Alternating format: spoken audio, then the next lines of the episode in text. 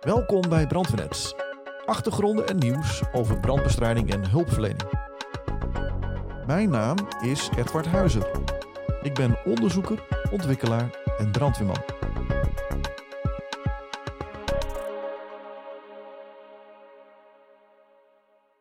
In deze aflevering bespreken wij met Ricardo Wever de acht vastgestelde non-negotiables. Deze niet onderhandelbare punten vormen de basis voor een veilige, effectieve brandbestrijding. Deze punten zijn: breng zo snel mogelijk water op het vuur. Doe een 360 graden rondom verkenning. Voer een go-no-go beoordeling in voor binnentreden. Koel de rookgassen. Blijf laag. Herken de stromingsrichting van rookgassen. Voer doelcommandovoering in. En tot slot gebruik altijd een warmtebeeldcamera. Vanuit dit perspectief bespreken we waar Nederland staat op het wereldtoneel van brandbestrijding.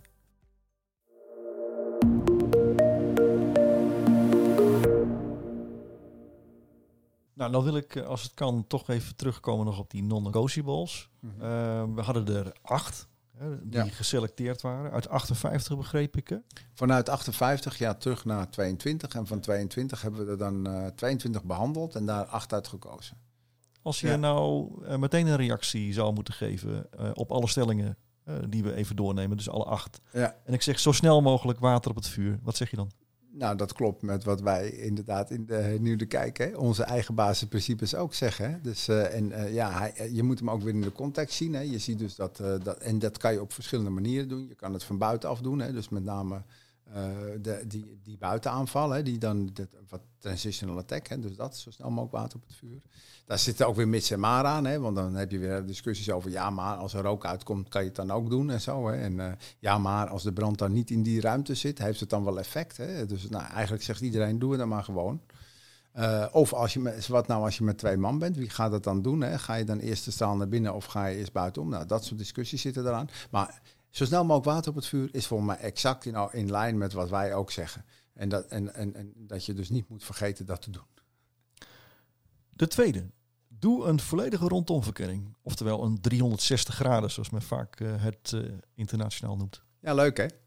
Die is ook, zeg maar, ook op basis, even de basisprincipes van de hernieuwde kijken. Dus, dus eigenlijk, ja, en dat vind ik toch het leuke. Als je nou kijkt naar die achten, niet allemaal, maar als je kijkt naar die acht, dan zie je dat we eigenlijk gewoon ook steun, internationale steun krijgen. Voor datgene wat we zelf ook uiteindelijk weer bedacht hebben. Maar we hebben niet eens bedacht. Het bestond eigenlijk al. We hebben het weer afgestoft en teruggehaald. Dus we zijn ze net een stapje voor. En ik vind het wel heel fijn dat hier niet hele gekke dingen uit zijn gekomen die wij nog niet hadden eh, gezien. Die drie, 360 graden dit is overigens wel een grappig. Hè? Dus, eh, want in de discussie was, was er ook eentje die zei... ja, maar luister eens, bij mij in mijn korps kan dat niet. Want wij hebben alleen maar van die flatgebouwen en zo. Dus, eh, dus ik ben het er niet mee eens. En dan zie je weer even soms hoe discussies dan lopen. Dus toen heb ik een hele discussie met die man gehad en gezegd... ja, maar luister eens, je kunt nu zeggen ik ben het er niet mee eens. Maar de vraag is, ben je het er in principe mee eens? Dat het bij jou niet kan, dat is wat anders. Dus daarom is het misschien wel een universeel basisprincipe. Maar misschien niet een non-negotiable. Omdat er variabelen zijn. In de zin van ja, want als jij het echt niet kan, dan doe je het niet. Nou, en dan zeggen de Amerikanen, en dat komt dan wel bij die Amerikanen, die hebben natuurlijk dat ABCD-systeem. Dat is misschien nog wel iets waar we nog in Nederland ook nog wel iets mee kunnen. Hè? Om, de, om in de communicatie daar wat helderder in te zijn. Die Amerikanen die zeggen, ja, nee, maar wat je dan doet is, dan zeg je gewoon, je komt aan en dan zeg je in je nader bericht, ik heb mijn 360 niet afgemaakt. Ik moet dat deel nog doen. Hoe, Maar ik ga nu offensief inzetten. en hoe lekker is dat voor de beeldvorming? Ja, dat, dat, dat zijn er wel van die dingen die ook aan de orde kwamen. Hè. Met name in die Anglo-Saxische landen, dus Amerika, Canada, Australië. Daar hebben ze een standaard na de bericht waarin ze dit ook melden. We komen aan, we zien dit en dat. Het is een eh, eh, two-story building. eh, er wordt eh, rook gezien uit de B-kant.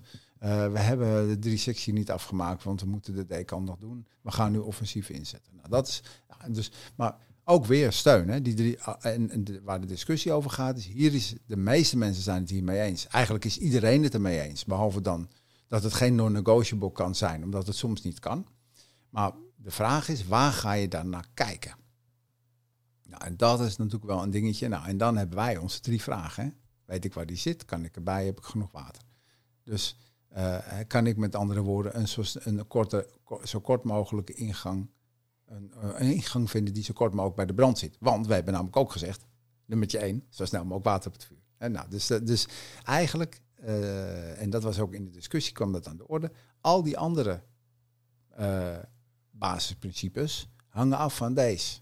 Want je kunt niet zo snel mogelijk water op het vuur doen als je deze niet gedaan hebt. Je kunt niet, nou, kom, kom zo meteen op de volgende. Je kunt die niet doen als je deze niet gedaan hebt. Dus iedereen is het ermee eens. Nou moeten we alleen nog uitwerken. Waar ga ik dan naar kijken? Nou, en ik ben benieuwd of ze dan komen met, weet ik waar de brand zit, kan ik erbij, heb ik genoeg water. Als dat zo is, dat zijn onze... Ik heb zo'n vermoeden. ja. Prachtig om te zien. Ja. Ik heb hem even vertaald, maar voeren wel niet beoordeling in voor veilig binnentreden. Dus de implement go or no go, go, go ja, ja, nou daar, kijk, daar kan niemand het bij oneens zijn. Dus, dus iedereen was het hier wel over eens. Alleen er werd door uh, Pieter McBride met name, dat volgt uit, zijn, uh, uit die moduletjes die hij gemaakt heeft, de bouwstenen, uh, die in dat Fire Dynamics training zitten.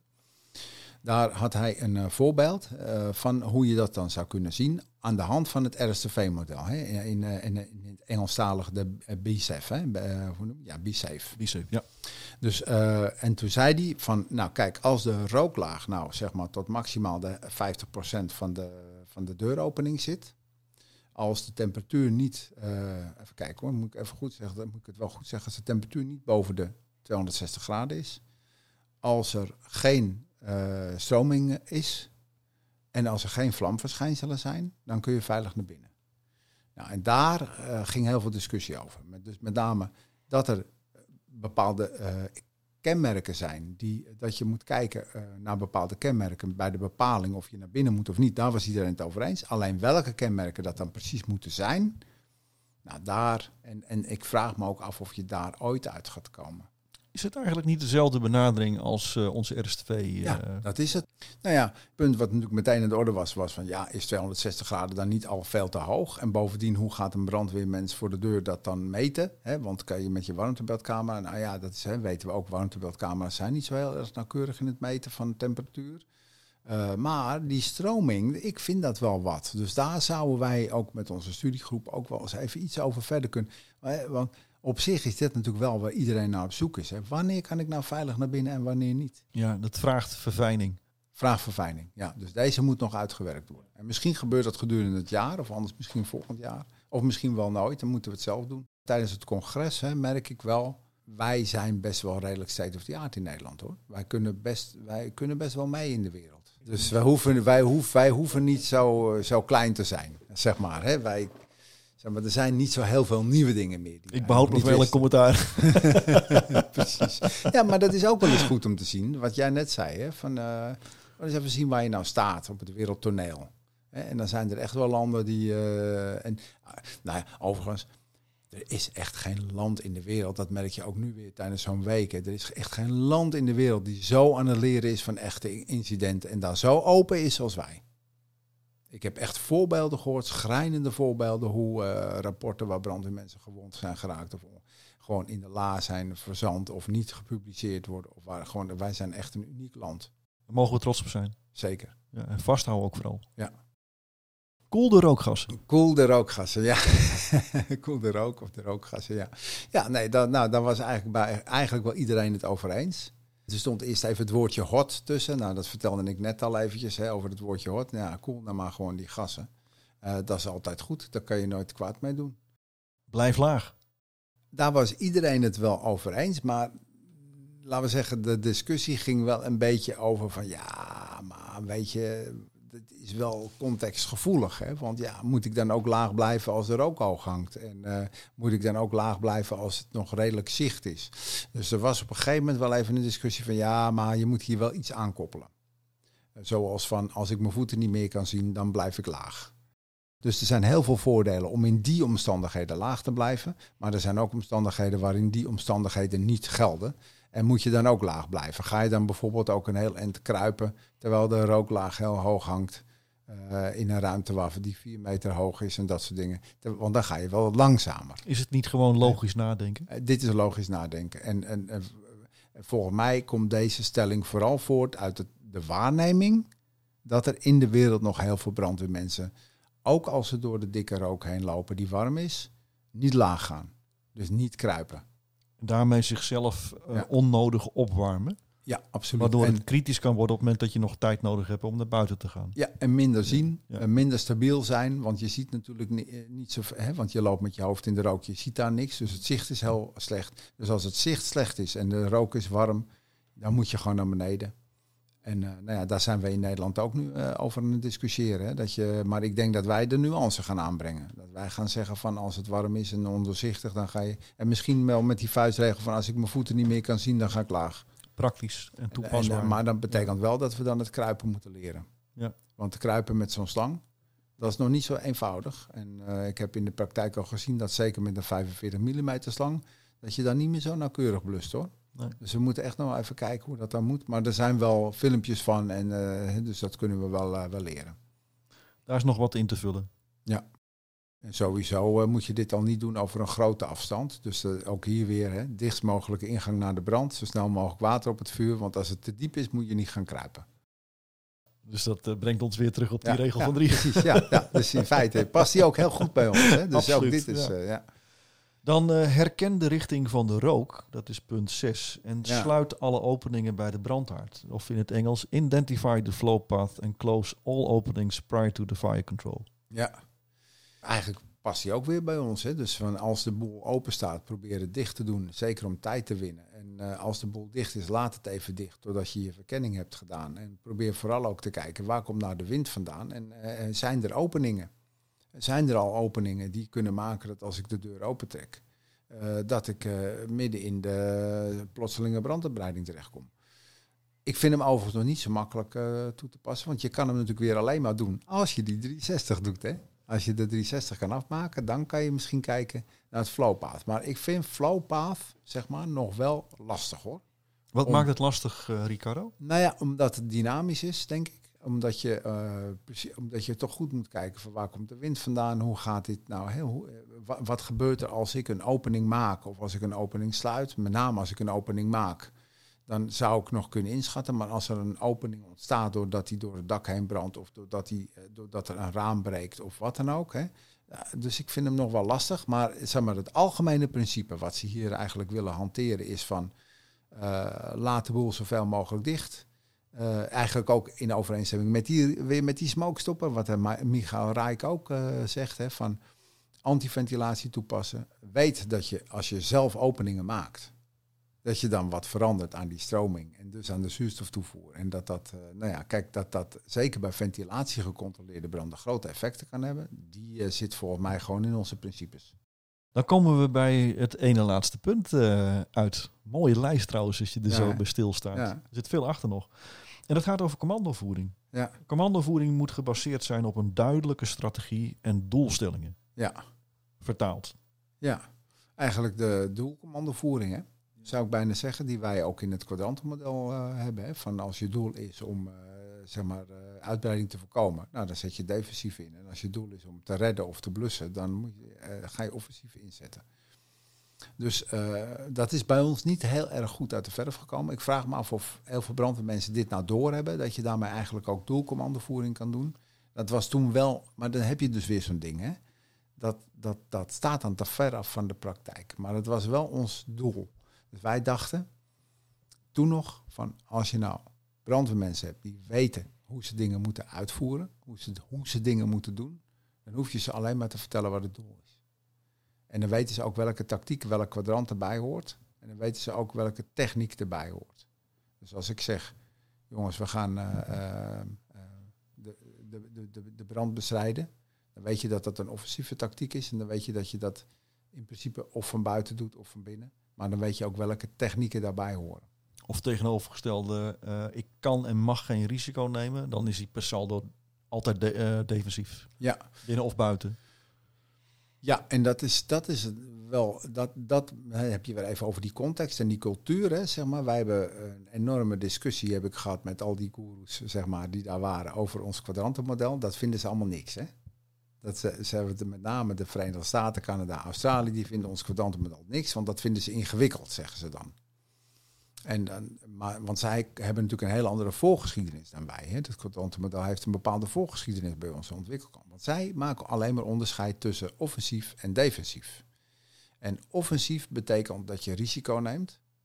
En defensief betekent dat je geen risico neemt. Dus bijvoorbeeld, je blijft bij defensief ook uit de valschaduw van het gebouw. Dus defensief en dan naar binnen, dat vinden zij gek. Dat is raar, want daarmee maak je geen onderscheid waar men staat. Als onderdeel van je commando. Nee, nee, dat doen ze niet. Nee. Dus je kan. Uh, en dan moet ik wel eerlijk zeggen dat ik soms ook zelf ook wel een beetje twijfel of defensief binnen nou nog wel, zeg maar, hè, of dat nou, uh, ja, of we daar niet nog eens een keer naar moeten kijken. Maar uh, voor hun is offensief dus echt brandbestrijden mensen redden. En dat doe je eigenlijk per definitie binnen. Dus een offensieve buiteninzet, dus dat je buiten blijft en dan red of blust, dat vinden zij gek.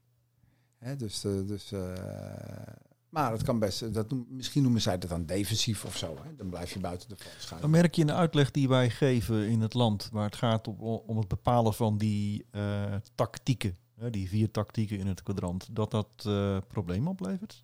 Dat men nee, het niet snapt? Nee, in Nederland niet. Nee, in Nederland, voor, volgens mij is dit heel goed geland in Nederland. En uh, weten we ook precies wat daarbij hoort. Dus weer een kwestie van uh, context dus. Ja, context. Het is zeker context. En, maar, maar, wij hoeven dus nooit te denken dat ons kwadrantenmodel internationaal erkend gaat worden. Want dat heb, ja, misschien wel in Engeland, hè, want daar herkennen ze het wel. Uh, andere geschiedenis, andere cultuur, andere ontwikkelrichting. maar met name in die Australië, Canada en, en de Verenigde Staten is het, is het, hebben, ze, hebben ze gewoon defensief en offensief. En ze hebben, ze hebben zes, zes doelstellingen, ik geloof, redden, uh, brand bestrijden en, uh, en property beschermen. Dus van binnenuit, dat zijn de drie. Evacuatie, ontruimen en uitbreiding voorkomen. Dat is defensief.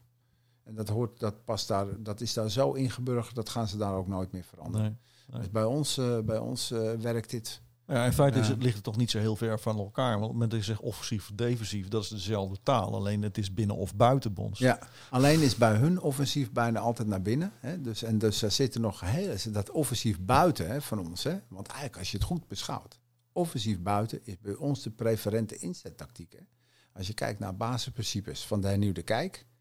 Dan gaan we eerst kijken of we hem van buiten kunnen blussen. Als dat niet lukt, dan gaan we pas overwegen of we naar binnen gaan.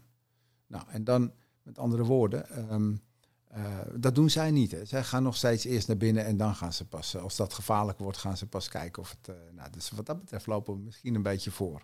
Laten we dat vooral zo houden, denk ik. het voorlopen dan, hè? Ja. Het is een mooi toegelicht zo. Ja. We hebben dan het laatste punt, en dat is punt 8. Bij een binneninzet hebben de eenheden de beschikking over een warmtebeeldcamera en de kennis om deze juist toe te passen. Ja, nou, dat was eigenlijk voor iedereen was wel eens dat als je naar binnen gaat, dat je dan zonder warmtebeeldcamera, dan heb je geen, geen beeld waar je eigenlijk bent en waar je naartoe moet, et cetera. De discussie ging er daarna om van ja, moet dat er nou bij?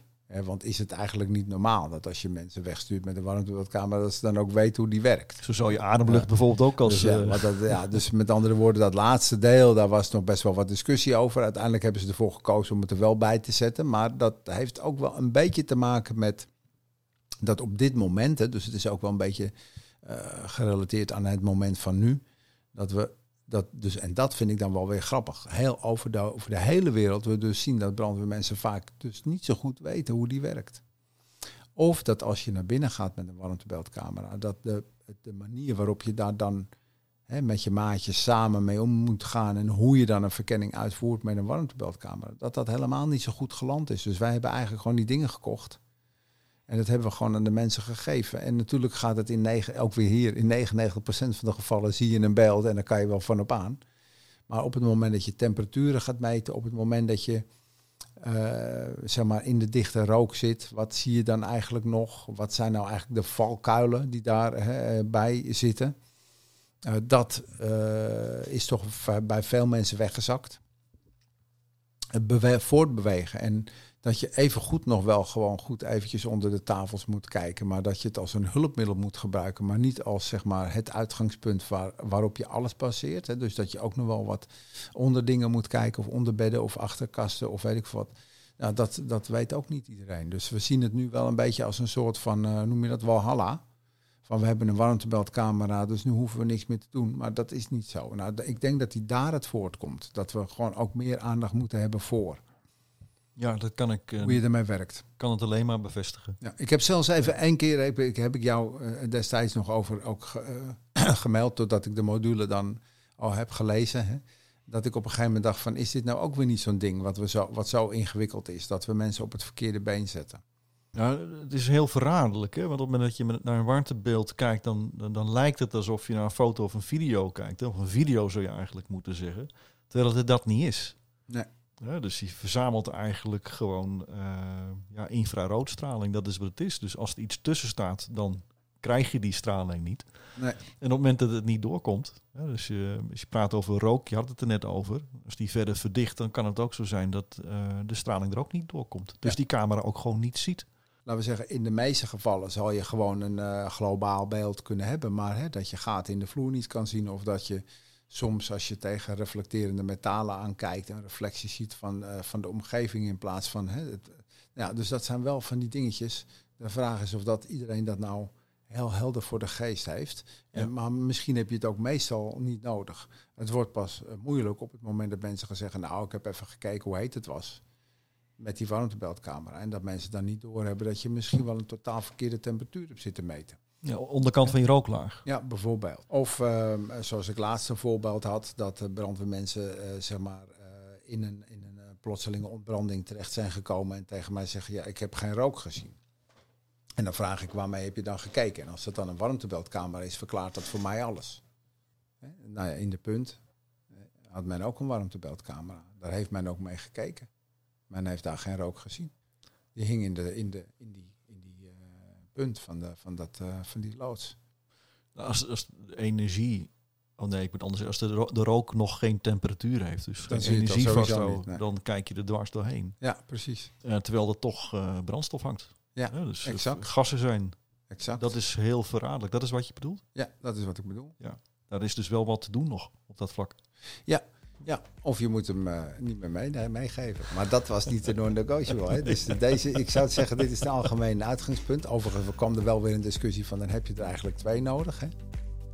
En dan heb je vervolgens daarna, want dan heb je er één nodig voor je buitenverkenning en één binnen. Hè. Dus, maar, en dan vervolgens komt natuurlijk de vraag van, ja, maar als ik nou vijf branden per jaar heb, ga ik dan twee van die warmtebeeldcamera's op de auto leggen? En dus dan, hè, dan ja. heb je het weer over differentiatie.